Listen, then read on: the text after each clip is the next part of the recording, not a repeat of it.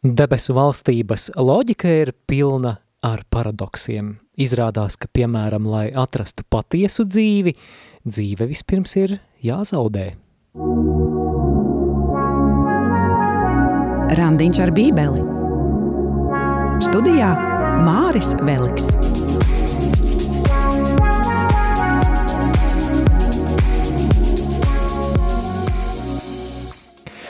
Laipni lūgti raidījumā Randiņš ar bībeli. Šis ir raidījums, kas ir veltīts bībeles lasīšanas kultūras veicināšanai mūsu baznīcā, kā arī lai veicinātu izpratni par svēto rakstu tekstiem, lai sniegtu tev tās atslēdziņas, kuras arī tu pats individuāli varēsi lietot tavos privātajos randiņos ar bībeli.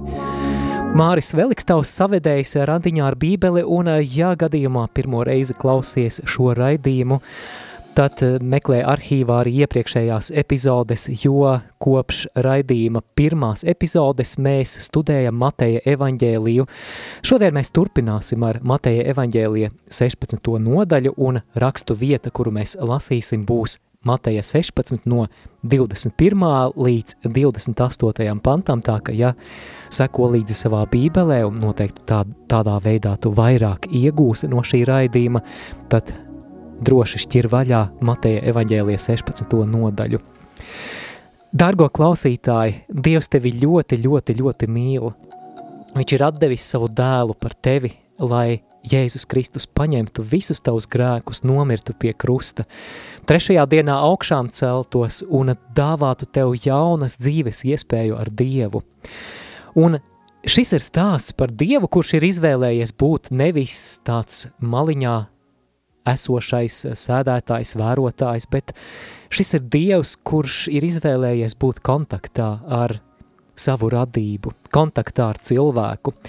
Šis ir Dievs, kurš runā uz mums dažādos veidos, Un viens no veidiem, kādā mēs varam ieklausīties tajā, ko Dievs vēlas pateikt cilvēkam, ir lasīt svētos rakstus. To mēs arī darām šajā raidījumā, un iespējams, ka šo raidījumu klausoties tevi uzrunās kaut kas no tā, ko es stāstu komentāros. Varbūt arī šodien lasītais teksts tevi pašu vedinās uz kādām pārdomām, bet noskaņosimies uz to, ka Dievs šo raidījumu arī šodien vēlas lietot, lai uz mums runātu, lai dotu mums jaunu uguni, lai nestu jaunu atmodu, lai mēs katrs varētu saņemt kādas vērtīgas atziņas, kuras mūs stiprina, kas veido mūsu pasaules redzējumu, kas veido mūsu vērtības. Tādēļ raidījuma ievadā aicinu uz lūkšanu. Nāksim Dieva priekšā, lai kādu brīdi meklētu viņa klātbūtni, jo Tad, ja mēs pirms bībeles lasīšanas esam satikuši to, kurš šo vārdu ir iedvesmojis, tad mūsu bībeles lasīšana kļūst auglīgāka. Tad pats šo rakstu iedvesmotājs ir tas, kurš caur savām iedvesmām, caur saviem klusajiem čukstiem komentē šo vārdu. Dieva tēva un dēla un svētā gara vārdā – Āmen. Nāc prieka gars – Nāc svētais gars dzīvības gars, nāc padoma un spēka gars, nāc gudrības un atklāsmes gars, nāc svētais gars evaņģēlistu iedvesmotāji, nāc svētais gars seno praviešu uguns avots, nāc svētais gars, kas pār Jēzu nonāca baloža veidā Jēzus kristību brīdī pie Jordānas. Nāc svētais gars, kurš arī šodien spēcīgi darbojies savā baznīcā un maini cilvēku dzīves. Nāc svētais gars un pagodini mūsu vidū šovakar Jēzu. To mēs lūdzam Jēzus Kristus vārdā. Āmen. Svētais Matei lūdz par mums.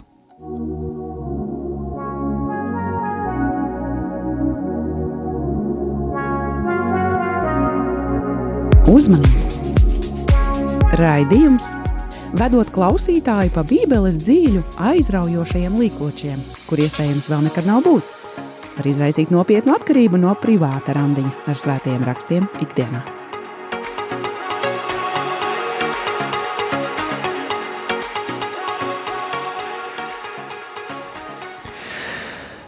Šoreiz randiņā ar bībeli mums būs divas daļas, divi fragmenti, un pirmais fragments, kuru mēs šodien lasīsim, un tad vēlāk es arī komentēšu, būs ar nosaukumu Jēzus norāja Pēteri, un aicinu arī kopā tad šos trīs pantus, proti no 21. līdz 23. pantam nolasīt. No tā laika Jēzus uzsāk saviem mācekļiem rādīt, ka viņam vajag noiet uz Jeruzālemi un daudz ciest no vecajiem un augstiem priesteriem – un rakstu mācītājiem un tikt nonāvētam, un trešajā dienā augšām celties. Un Pēteris ņēma viņu savrup un iesāka viņu brīdināt sacīdams, lai Dievs pasargā, lai tas tev nenotiek. Bet viņš atgriezdamies sacīja, atkāpies no manis sātan, tu man esi par piedauzību grēkam, jo tu nedomā, ko Dievs grib, bet ko cilvēki – Jā, noklausījāmies šo pirmo šodienas fragmentu un arī tagad neliels komentārs, tad nu pantu pēc panta vēlreiz un daudz dziļāk lasām vēlreiz Mateja evaņģēlija 16. nodaļas 21. pantu. No tā laika Jēzus uzsāk saviem mācekļiem rādīt, ka viņam vajag noiet uz Jeruzālemi un daudz ciest no vecajiem un augstiem priesteriem un rakstu mācītājiem un tikt nonāvētam un trešajā dienā augšām celties – Lasījām šeit vārdus no tā laika. Interesanti, ka Mateja evaņģēlijā šis izteiciens no tā laika iezīmē būtisku pagrieziena punktu stāstījumā. Šī nav pirmā reize, kurā mēs sastopam šos vārdus no tā laika. Atcerēsimies, ka Mateja evaņģēlija 4. nodaļā 17. pantā mēs arī dzirdējām, ka no tā laika Jēzus sludināja atgriezieties no grēkiem – debesu valstība ir klāta. Mateja 4. nodaļā šie vārdi no tā laika bija pagrieziena punkts tajā nozīmē, ka ar to iesākās Jēzus publiskā darbība Galilejā. Savukārt tagad Mateja evaņģēlija 16. nodaļā 21. pantā šie vārdi no tā laika iezīmē atkal jaunu posmu, atkal jaunu pagriezienu. Šoreiz Jēzus publiskā kalpošana Galilejā noslēdzas un Jēzus uzsāks savu ceļu pretī Jeruzalemei, pretī savām ciešanām un nāvē pie krusta.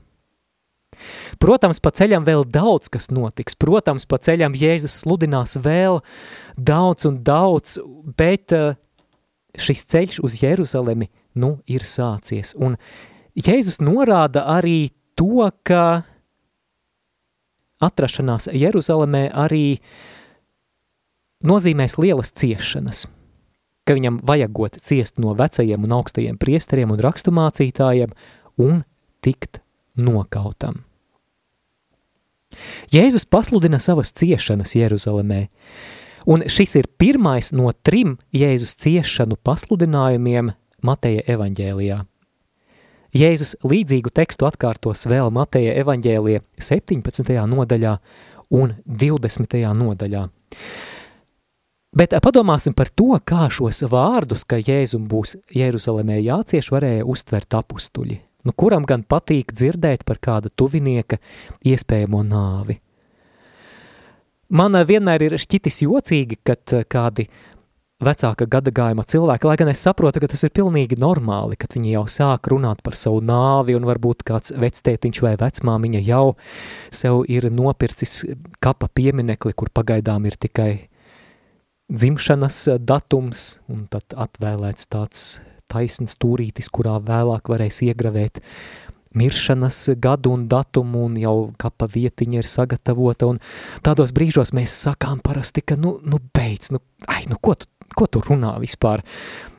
Priecājies pagaidām, tu vēl taču dzīvo. Protams, šis pasludinājums par to, ka Jēzus paredz savu nāvi, savas ciešanas Jeruzalemē, protams, ka mācekļi to varēja uztvert kā šokējošu ziņu, kā kaut ko nepatīkamu, un tādēļ nav pārsteigums, ka nākamajā, proti 22. pantā, Pēteris no tā Jēzu mēģina atrunāt un Pēteris ņēma viņu savrup un iesāka viņu brīdināt sacīdams, lai Dievs pasargā, lai tas tev nenotiek. Jā, interesanti, ka Pēteris eh, mēģina pasargāt Jēzu, atrunāt no, no šādām runām, no šādām domām par iespējamo bojāju Jerusalemē, pat neraugoties uz to, ka patiesībā Jēzus pasludinājumā par viņa ciešanām ieskanējās arī kāda cerības zīme. Kurš pamanīja? Tur ir teikts, ka trešajā dienā viņam būs augšām celties. Protams, šobrīd mēs varam tikai minēt un spekulēt, kā mācekļi uztvēra šo frāzi par Jēzus augšām celšanos, jo galu galā viņiem tāda īsta augšām celšanās precedenta vēl nebija. Ļoti iespējams, ka viņi īsti līdz galam nesaprata Jēzus teikto un tādējādi vairāk fokusējās uz Jēzus ciešanām, uz, uz to nepatīkamo daļu. Tad nu Pēteris mēģina Jēzu atrunāt un no vienas puses, protams, ka tās ir Pētera rūpes par savu kungu, arī par savu draugu, Bet no otras puses arī kā bībeles komentētāji norāda, iespējams, ka Pētera mēģinājums atrunāt Jēzu no ciešanām saistīts ar to, ka šāds scenārijs, ka mesijam būtu jāiet bojā kā zaudētājam,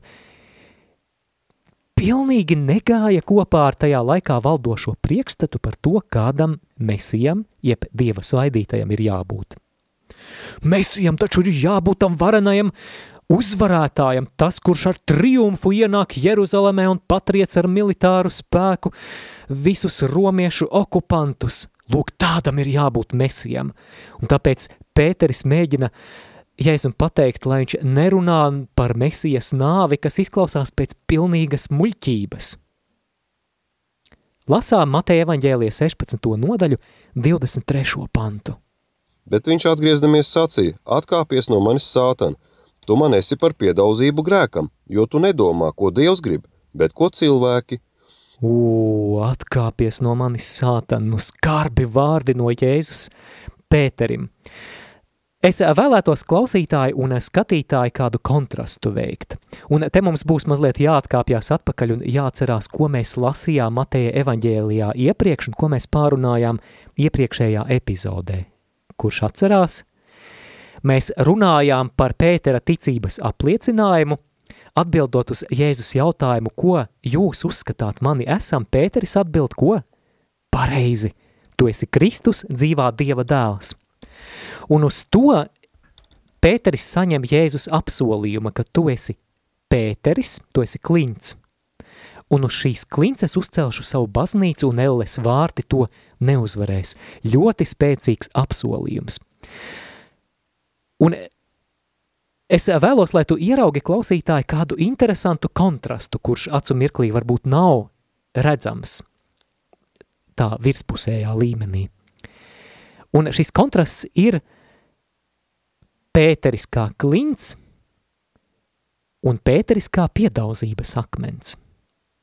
Pēteris kā klints, nu pat mēs runājām par šo pagājušajā nedēļā apspriesto notikumu, kad Pēteri Jēzus pasludina par klinti, bet tagad Mateja evaņģēlija 16. nodaļā, 23. pantā, Jēzus Pēteri nosauc par piedauzības akmeni.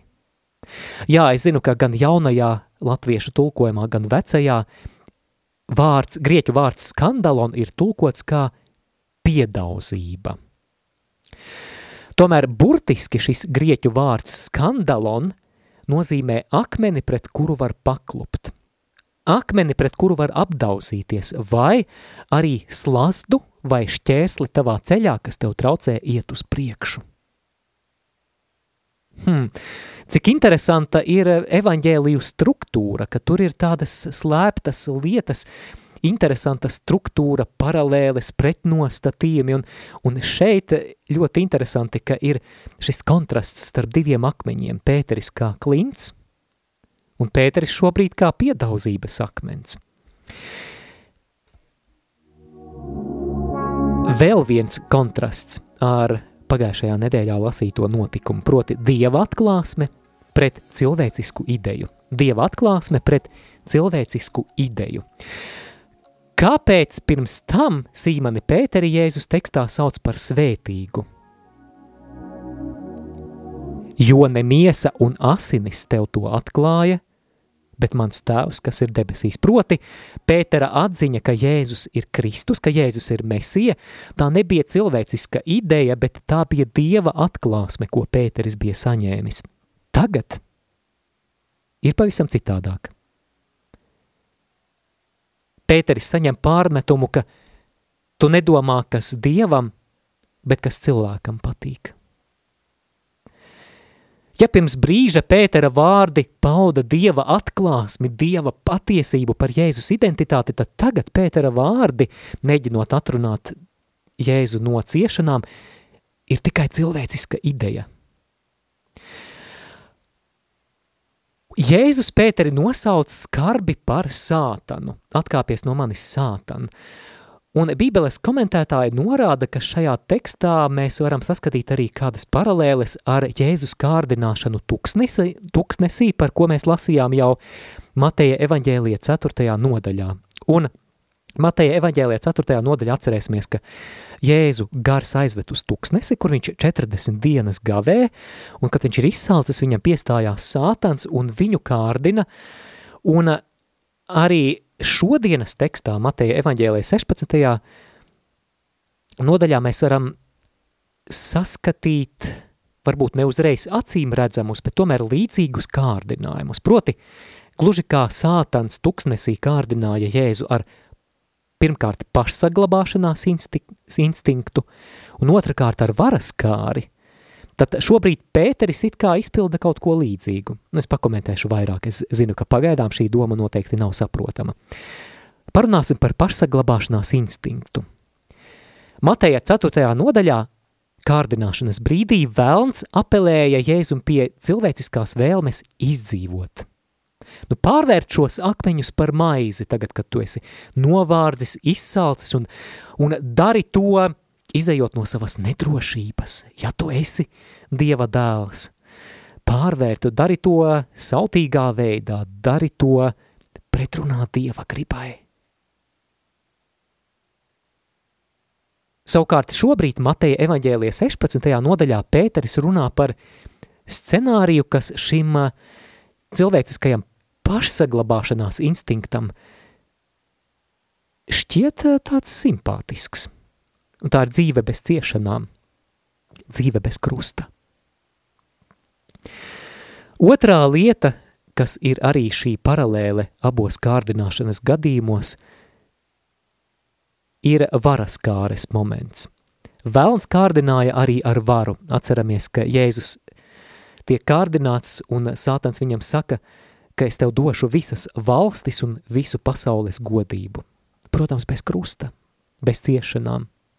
Tev ir tikai jāmetas ceļos manā priekšā, sātans saka. Arī šeit Pēteris iespējams runā par tādu mesijas tēlu, kā es jau pirms brīža minēju, kurš ir uzvarētājs, kurš ir politisks vadonis, militārs līderis, valdītājs, kuram pakļaujas visi ienaidnieki. Un, protams, šis scenārijs arī bez krusta.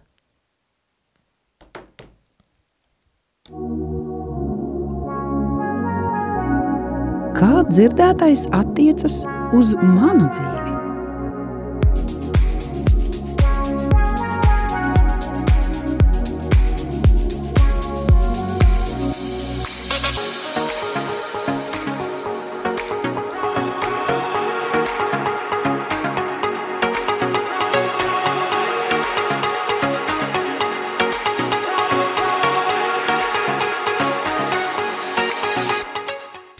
Tātad kā dzirdētājs, proti šis fragments par to, kā Jēzus norāja Pēteri, kā tas attiecas uz mums. Un tas, kas man nāk prātā, ir nepieciešamība mācīties atpazīt, kādā garā mēs rīkojamies. Vai Dieva garā, vai kā citādāk. Un, protams, tas ir process visa mūža garumā, bet es esmu pārliecināts, jo vairāk mēs augam attiecībās ar Dievu, jo uztrenētāka, jo jūtīgāka kļūst mūsu sirds arī atpazīt, kādi procesi darbojās, vai šīs ir Dieva iedvesmas, vai tas nāk no manis paša, vai varbūt no ļaunā gara. Mums šajā tekstā, ko tikko mēs arī lasījām, bija šī situācija, kad Pēteris neatpazīst, ka rīkojas cilvēciski un pat pretrunā Dieva gribai.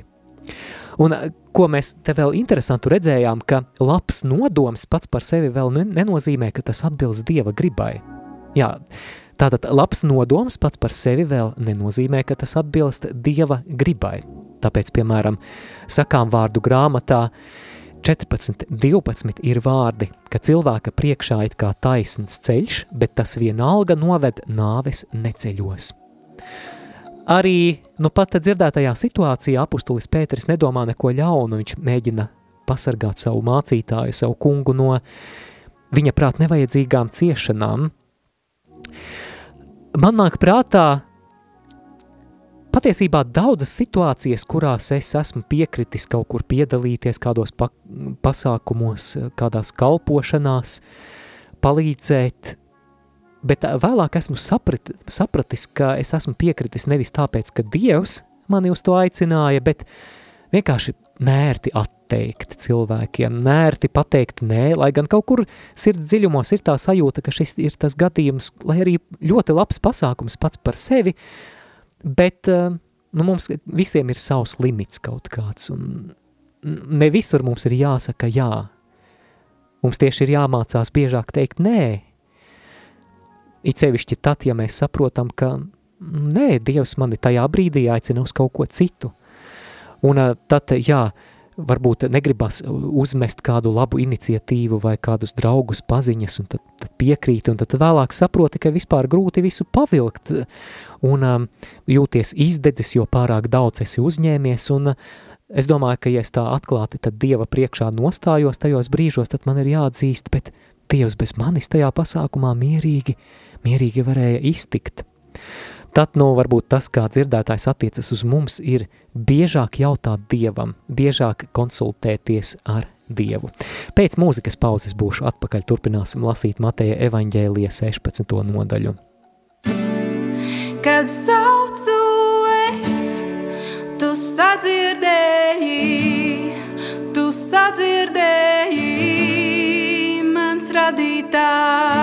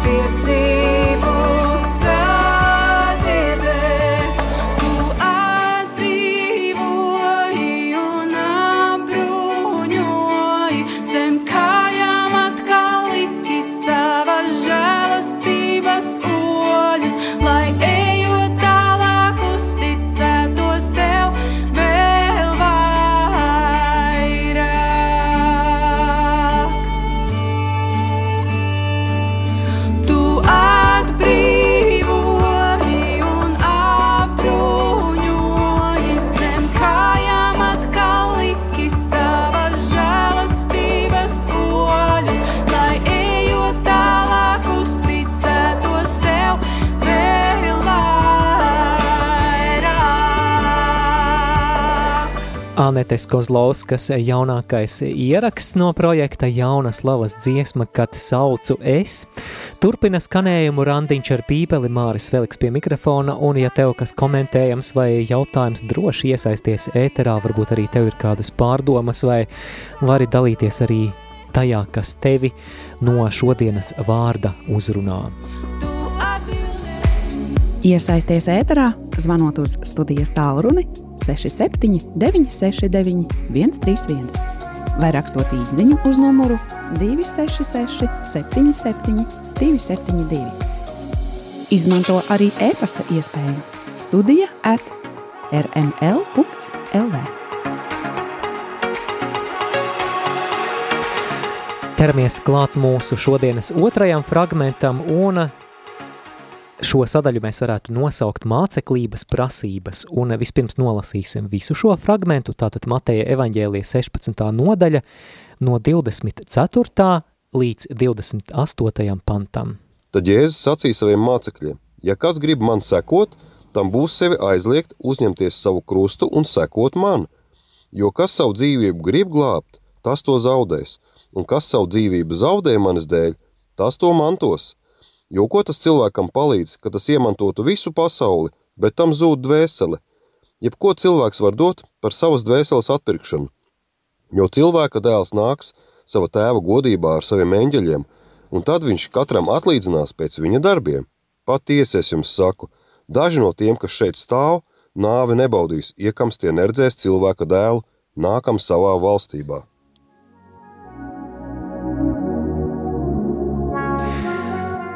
Pirms brīža Jēzus runāja par savu Jeruzalemē gaidāmo moceklību un nāvi. Jēzus par mācekļiem atdos savu dzīvi, un mācekļi ir aicināti būt kopā ar Jēzu, turpat, kur kungs. Vai mācekļi būs gatavi atdot savas dzīves par Jēzu? Par to arī nu pat dzirdētajā fragmentā, vēlreiz par visu pēc kārtas un daudz detalizētāk. Mateja 16, 24 lasām. Tad Jēzus sacīja saviem mācekļiem: Ja kas grib man sekot, tam būs sevi aizliegt, uzņemties savu krustu un sekot man. Ko nozīmē šī krusta uzņemšanās? Bībeles komentētāji norāda, ka mēs te varam runāt par divām nozīmēm – tiešā nozīme un pārnestā nozīme. Vispirms par tiešo nozīmi. Tiešajā nozīmē šie Jēzus vārdi ja kas grib man sekot, tam būs sevi aizliegti ņemt savu krustu un seko man, attiecas uz Jēzus apustuļiem. Jā, jā, uz tiem cilvēkiem, uz kuriem tieši Jēzus runāja šos vārdus. Sekošanas cena Jēzum būs ļoti augsta. Vairums mācekļu patiešām burtiski atdos savas dzīves mocekļa nāvē, un Un eh, Bībeles pētnieki uzskata, ka pirmajā un galvenajā nozīmē šeit bija runa par krustu burtiskā nozīmē. Jēzum būs jāuzņemās krusts un jāiet Golgātas kalnā, bet šī krusta līdzdalībnieki būs arī Jēzus mācekļi, un eh, ir arī mācekļi, kuri arī savas dzīves pabeidza krustā sisti, piemēram, apustulis Pēteris, apustulis Andrejs. Un vēlāk Mateja evaņģēlijā 23. nodaļā 34. pantā Jēzus arī paredzēs, ka vairāki no viņa sekotājiem tiks krustā sisti. Tā ir šī tiešā nozīme, ka patiešām būs Jēzus mācekļiem jāpiedzīvo moceklība.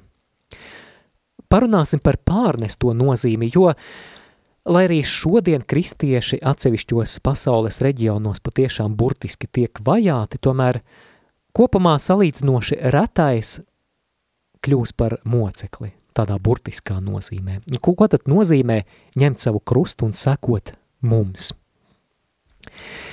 Ņemt savu krustu mēs varam arī interpretēt metaforiskā veidā, proti tas nozīmē izvēlēties sekot Jēzum, lai arī kurp vestu ceļš kopā ar viņu. Lai arī cik līkumains, akmeņains vai stāvā kalnā nevestu šis ceļš – bet vienkārši sekot ar viņu. Tātad pat, ja tas nozīmē grūtības un pārbaudījumus. Aizliegt sevi un ņemt savu krustu mūsu gadījumā nozīmē pilnīgi veltīties Jēzum, atdot viņam savas dzīves simts procentus. Arī tad, ja atsevišķos gadījumos tas var nozīmēt nērtības, grūtības, vajāšanas, citu cilvēku neizpratni, izsmiešanu – atlaišanu no darba. Tātad būt par Jēzus mācekli savā būtībā ir vismaz potenciāls moceklības ceļš. Princips, ko mēs priekš sevis varam paņemt, ir tas, ka uzticība Jēzum ir pirmajā vietā. Pašu intereses un komforts tikai pēc tam. Vēlreiz, uzticība Jēzum ir pirmajā vietā. Pašu intereses un komforts tikai pēc tam. Mēs jau runājām par to, ka atsevišķiem mācekļiem patiešām burtiski bija jāuzņemās krusts. Kas ir tas krusts, tas metaforiskais, ja pārnestās nozīmes krusts, ko mēs varam piedzīvot savā Jēzum sekošanas ceļā? Kādas ir tās nērtības, kas mums jāuzņemas? Piemēru var būt ļoti daudz. Piemēram, gribas grēkot, bet nedrīkst. Vai vieglāk būtu neievērot šķīstību pirms laulības un darīt tā kā visi pasaulē, bet tomēr Dieva vārds mūs aicina uz kaut ko citu, uz šķīstību. Varbūt tā ir atstumšana no cilvēkiem, ko mēs piedzīvojam, kad piedzīvojam atgriešanos un pārējie mūs nesaprot. Varbūt tas nozīmē filtrēt, ko tu skaties, ko tu klausies, kādu informāciju tu uzņem ar ko tu pabaro savas smadzenes. Jā, piemēram, tuvajos austrumos tās var būt arī burtiskas vajāšanas. Bet mūs savukārt Dievs var aicināt uz kaut ko, kas mums var šķist grūti.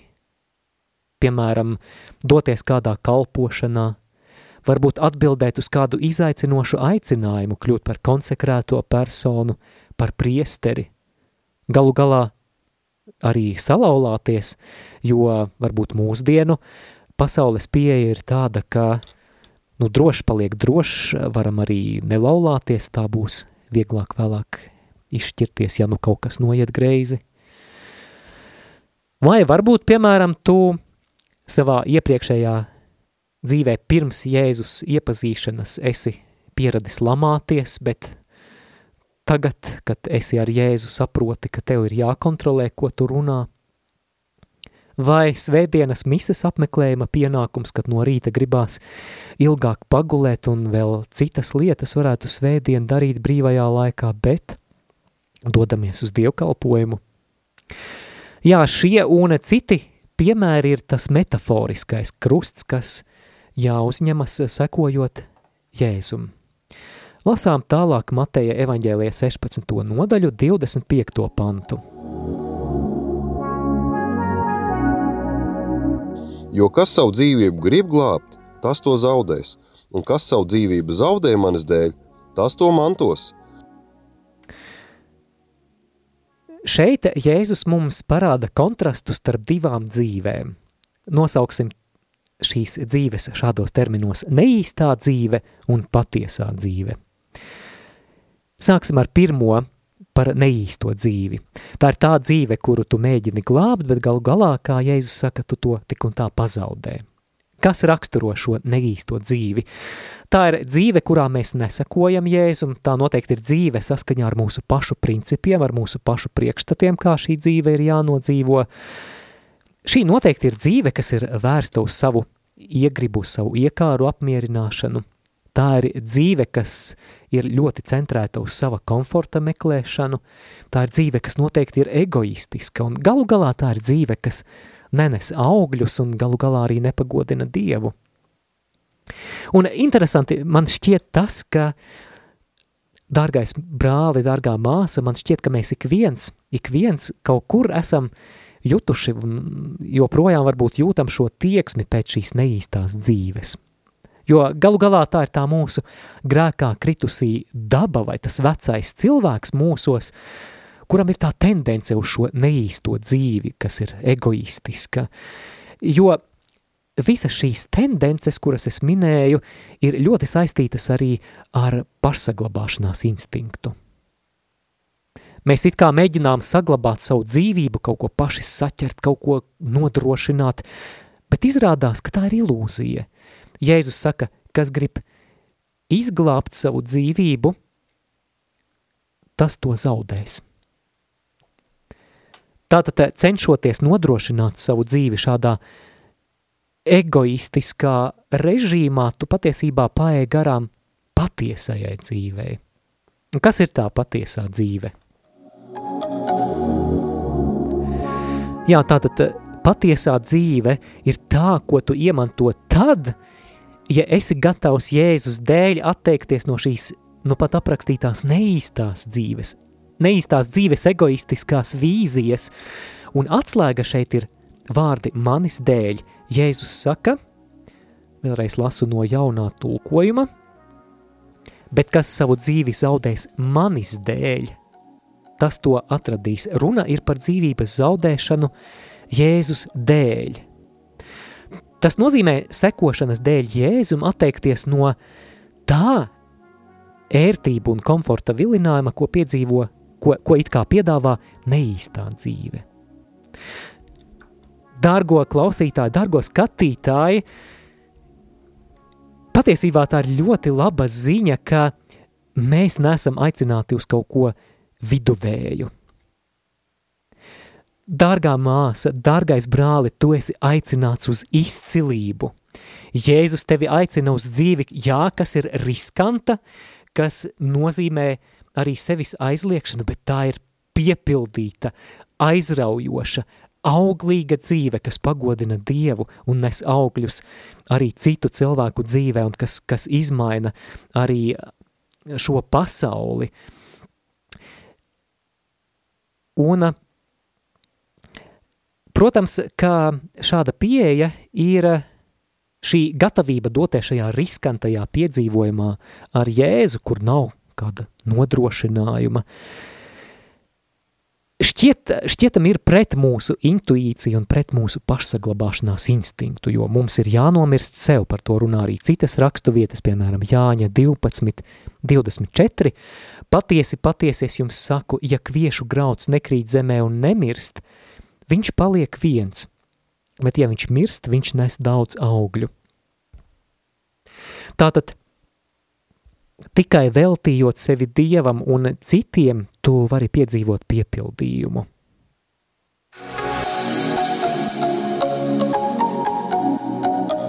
Skan randiņš ar bībeli.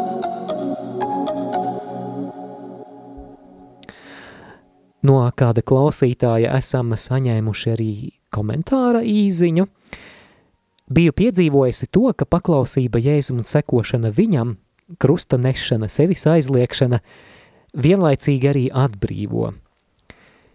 Bija situācijas, kad jūtu, ka Dievs aicina uz konkrētiem soļiem savā dzīvē, kur bija grūti atteikties no kaut kādām lietām, bet, kad pateicu Dievam savu jā, Es piedzīvoju tādu brīvību un prieku, kas pārsniec jebkādu saprašanu. Un tālāk klausītāja citē Mateja 11.30 mans jūks ir patīkams un mana nasta viegla. Wow, jā, brīnišķīgi, tas tiešām papildina arī nu pats sacīto. Bet uh, tagad uh, lasīsim Mateja evaņģēlie 16. nodaļas 28. pantu. Jo ko tas cilvēkam palīdz, ka tas iemantotu visu pasauli, bet tam zūd dvēsele? Jebko cilvēks var dot par savas dvēseles atpirkšanu. Tas uzsvariņš, ko es šeit vēlētos likt, ir par mūžības perspektīvu. Proti, Jēzus šeit aicina mūs palūkoties uz lietām no mūžības skatu punkta. Un noteikti zini, ka atkarībā no tā, no kāda skatu punkta mēs uz kaut ko skatāmies, uh, mēs lietas ieraugām pavisam citādākas. Piemēram, ja tu stāvi blakus lielai mājai, tad šī māja patiešām šķiet liela.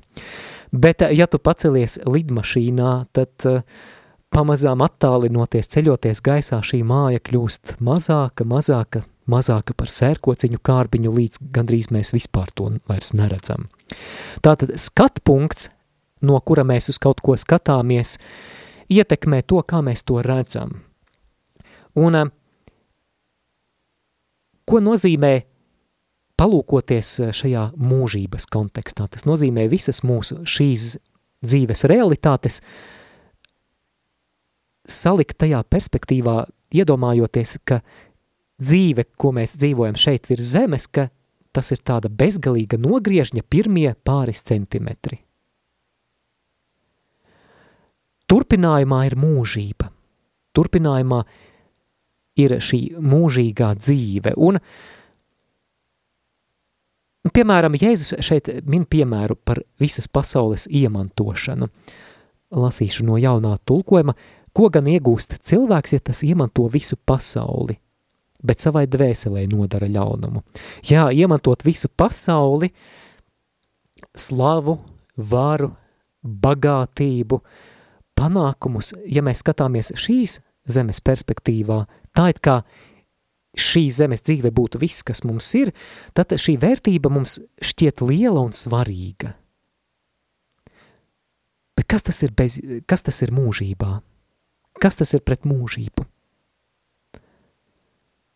Vai tu varēsi paņemt līdzi savus naudas iekrājumus? Ko tev mūžībā palīdzēs tas, ka tevi uzlika uz žurnāla vāka un tu piedzīvoji zvaigžņu stundu? Kāda mūžībā nozīme būs tam, ka tu esi sasniedzis visas varas virsotnes šeit virs zemes un esi sajūtis to varas garšu un satvērienu savās rokās? Mūžības perspektīvā tas viss kļūst bezjēdzīgi. Jēzus saka – Ko tas cilvēkam līdz, ja viņš iemanto visu pasauli, bet pazaudē savu dvēseli? Esmu domājis par to, kas varētu būt dzīves lielākā traģēdija, un man šķiet, klausītāji, ka dzīves lielākā traģēdija ir ieguldīt visus resursus un enerģiju tikai šīs zemes dzīvē, aizmirstot, ka mūsu dzīvē ir bezgalīgs turpinājums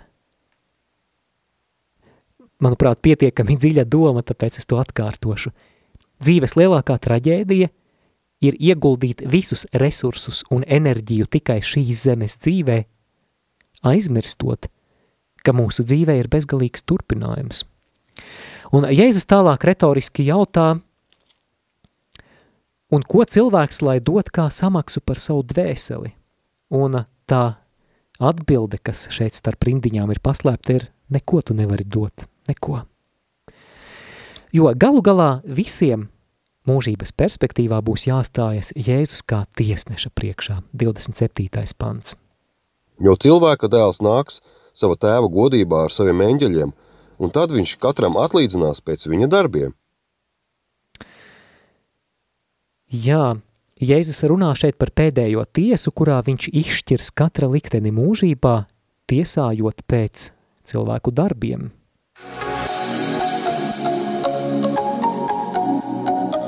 Skan randiņš ar bībeli.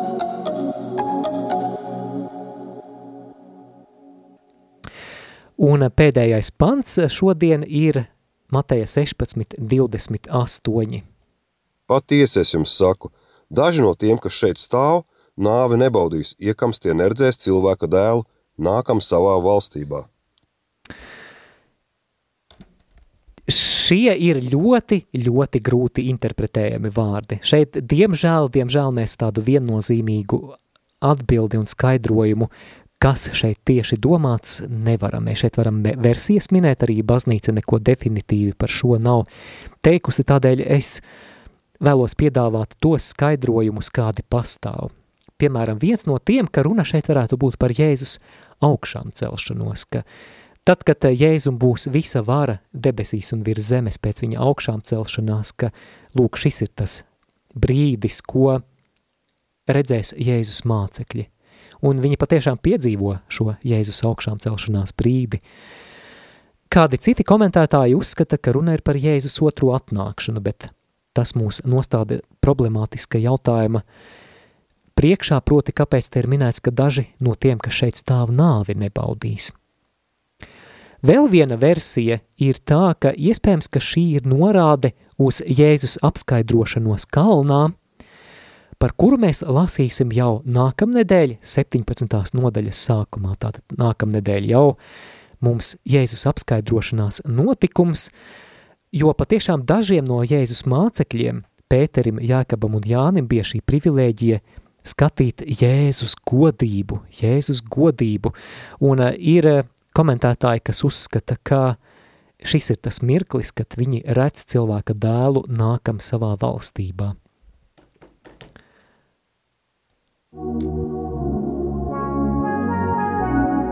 Kā dzirdētais attiecas uz manu dzīvi?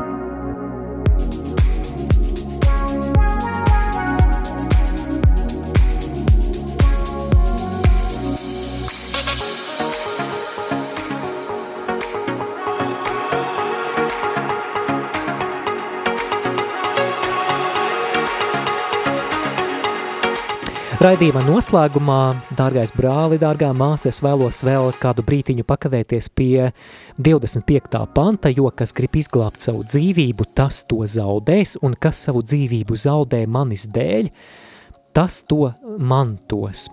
Es vēlos vienkārši iedrošināt tevi nebaidīties no no šīs zaudēšanas vai no šīs atteikšanās, minot vairākus konkrētus piemērus, kur mēs redzam, kā tas patiešām darbojās mūsu dzīvē, kur mēs redzam, ka dzīve nes augļus tad, ja mēs izvēlamies to zaudēt, ja mēs izvēlamies to izliet, ieguldīt, atdot. Nu, piemēram, lai vecāki rūpētos par bērniem, lai labi audzinātu bērnus, viņiem ir bieži vien jāatsakās no savām interesēm, un tas ir normāli, un tas ir svētīgi, tas ir tā vērts. Vai, piemēram, lai mēs pabeigtu kādu iesāktu darbu, mums ir jāatsakās no daudzām citām lietām, un arī tas ir svētīgi. Tas pats attiecās arī uz garīgo dzīvi. Mēs nevaram būt lūkšanu cilvēki, ja mēs no kaut kā neatsakāmies, piemēram, no pārmērīgas televizora skatīšanās. Tātad, lai mēs nestu augļus no kaut kā, vienmēr būs jāatsakās. Un tas ir normāli. Tātad mūsu dzīve nes augļus, ja izvēlamies to zaudēt, izliet, ieguldīt un atdot. Šajā jaunajā nedēļā pavēro savu dzīvi un, un paskaties varbūt, kur Dievs tevi aicina izliet, ieguldīt savu dzīvi. Lai Dievs tevi svētī, šis bija raidījums Randiņš ar bībeli.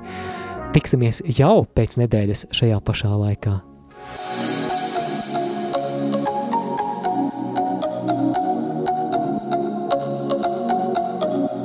Jūs klausījāties raidījumu Randiņš ar Bībeli.